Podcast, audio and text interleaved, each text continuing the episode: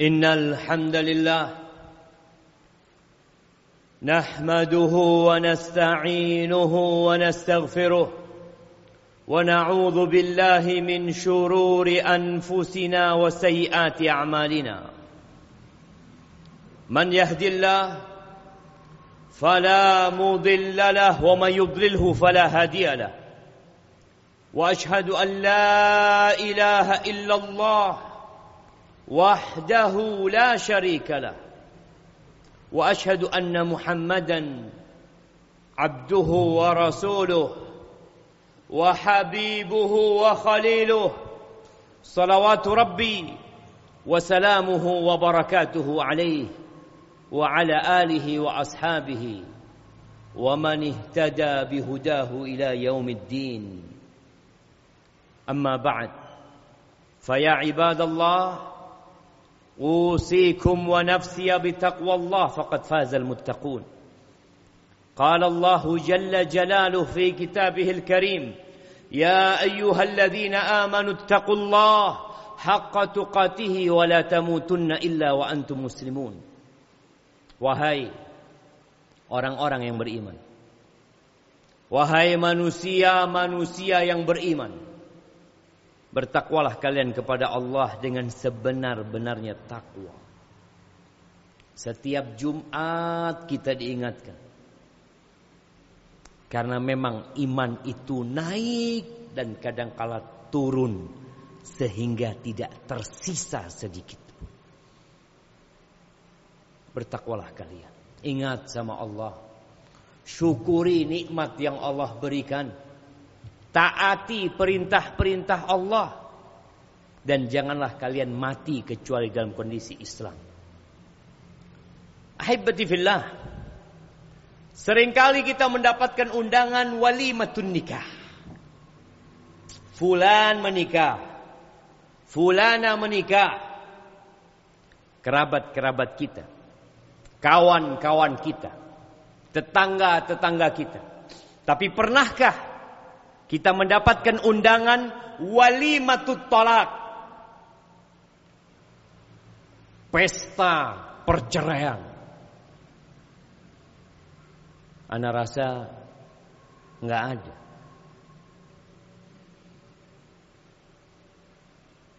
Tapi kenapa banyak terjadi perceraian? Kenapa kita tidak diundang ketika mereka bercerai?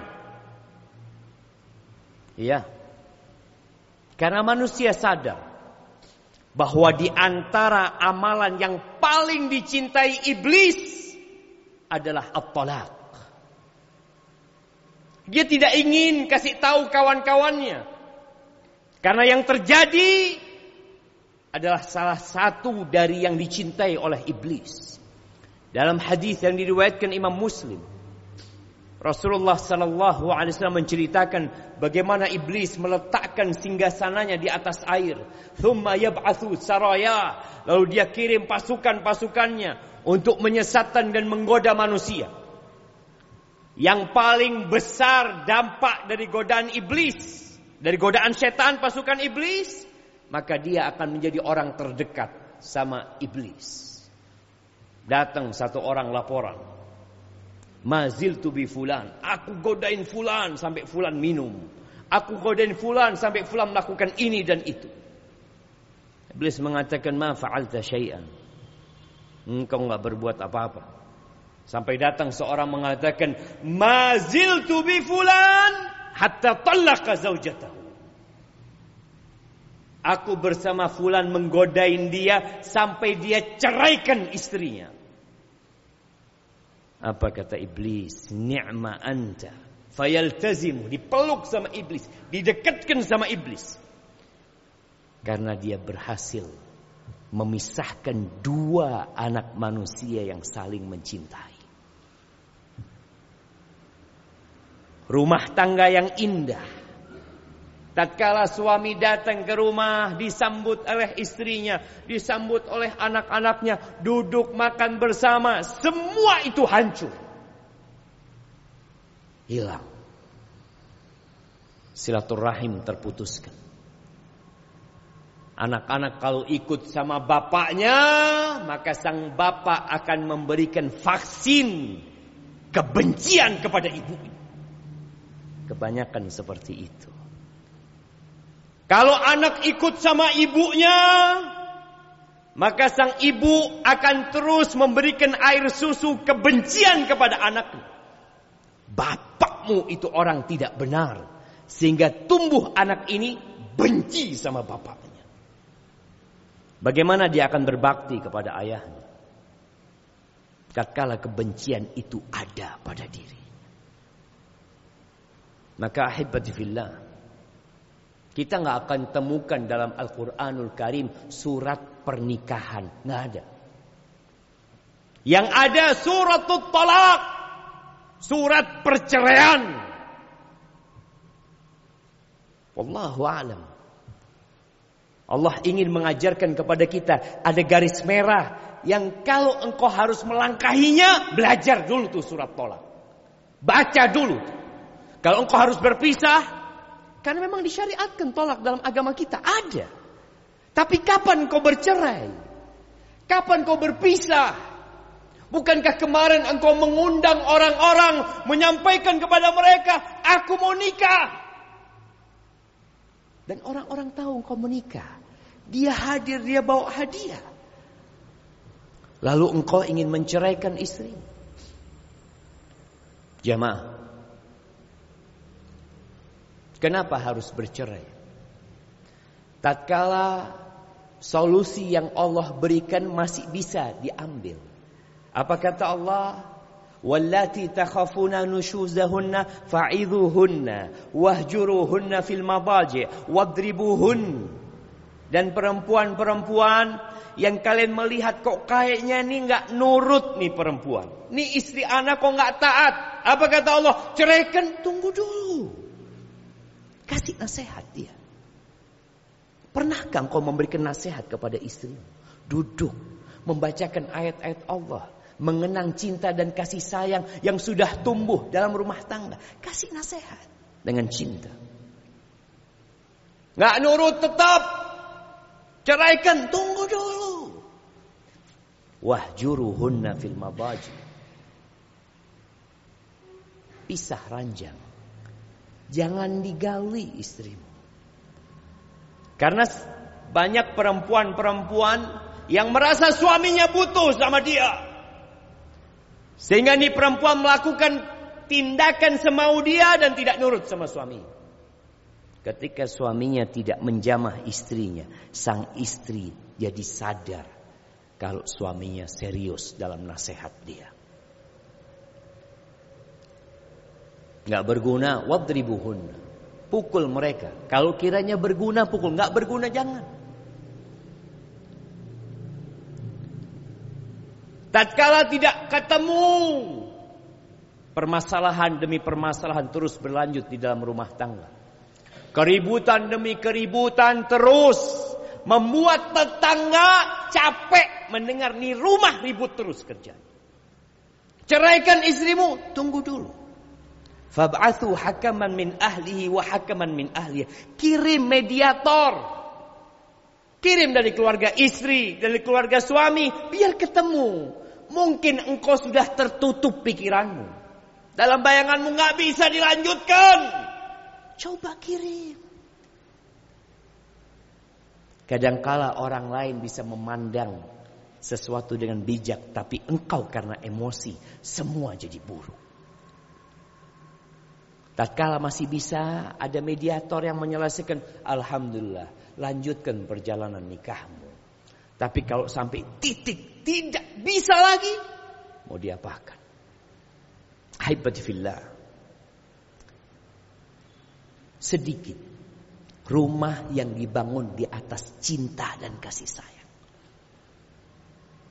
Kita jangan mau dibodoh-bodohin sama tuh sinetron, sama drama Korea, sama film-film yang ada yang menampakkan rumah tangga isinya cinta semuanya.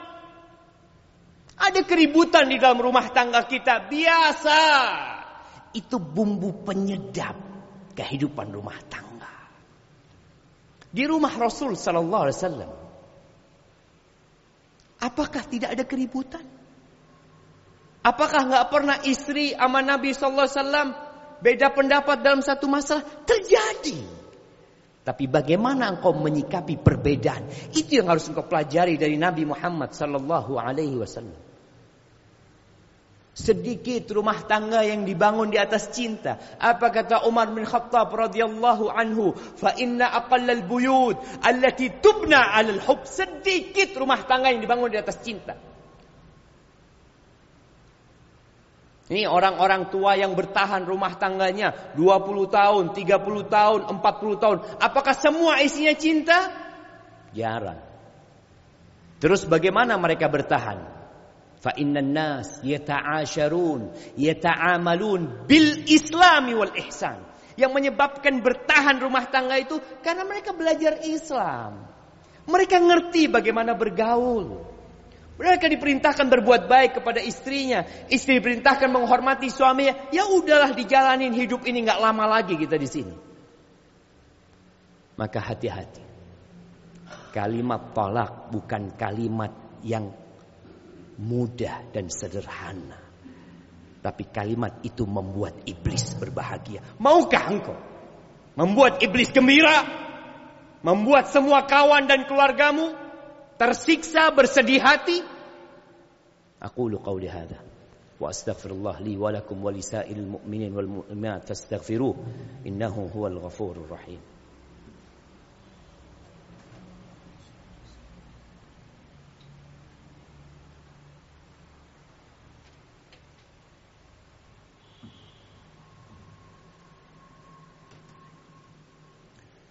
الحمد لله رب العالمين وبه نستعين على أمور الدنيا والدين.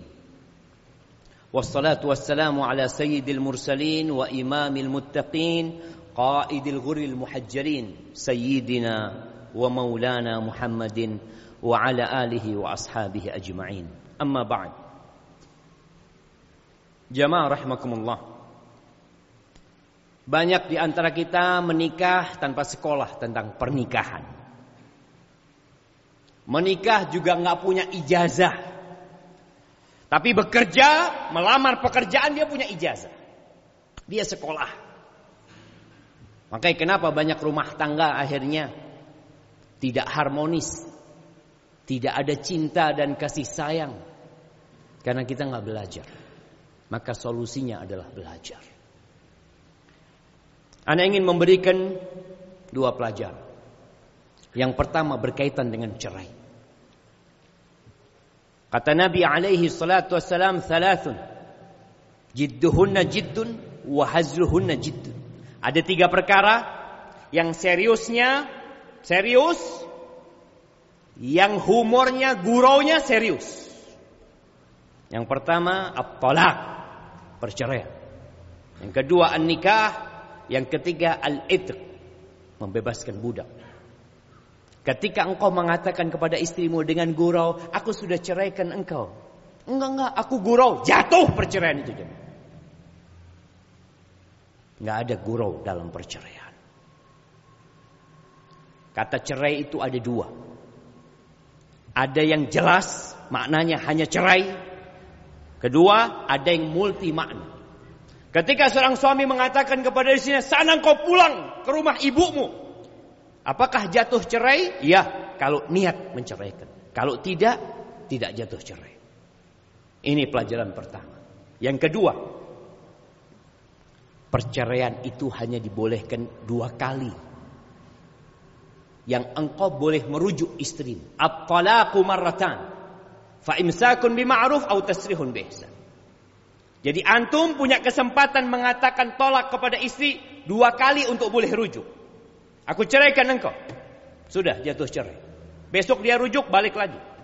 Berapa bulan ribut, berapa tahun ribut, aku ceraikan kau dua kali. Kemudian kalau dia mengatakan aku ceraikan kau yang ketiga kali, nggak ada kesempatan balik lagi ke istri. Kita bicara hukum agama. Kalau mungkin di pengadilan ada proses yang harus dijalani. Jadi tatkala engkau sudah pernah mengatakan kepada istrimu, cerai anda sudah katakan dulu mungkin empat kali Ustaz, mungkin sepuluh kali, setiap marah anda ceraikan istri anda, Ingat setelah dua kali yang ketiga nggak ada kesempatan untuk balik kepada istri sampai istri kita menikah sama laki-laki lain. Ambil pelajaran ini. Kalau engkau pernah menceraikan istrimu sepuluh kali dulu, lebih dari tiga kali, istrimu nggak halal buat engkau. Jemaah rahimakumullah. Semoga kita semakin semangat untuk belajar agama kita. Itu modal kita untuk menuju kepada Allah Azza wa Ingat hari ini hari Jumat, hari yang paling indah. Harinya bersalawat untuk Rasul sallallahu alaihi wasallam. Innallaha وملائكته يصلون على النبي. يا أيها الذين آمنوا صلوا عليه وسلموا تسليما. اللهم صل وسلم وزد وبارك وأنعم على سيدنا ومولانا محمد. اللهم اغفر للمؤمنين والمؤمنات والمسلمين والمسلمات الأحياء منهم والأموات. إنك سميع قريب مجيب الدعوات. اللهم منزل الكتاب مجري السحاب هازم الأحزاب. اللهم احزم أعداءك أعداء الدين يا رب العالمين. اللهم اهزم أعداءك أعداء الدين يا رب العالمين. اللهم اهزم اعداءك اعداء الدين يا رب العالمين. اللهم اصلح ولي امرنا وولاة امور المسلمين. اللهم اصلح ولي امرنا وولاة امور المسلمين.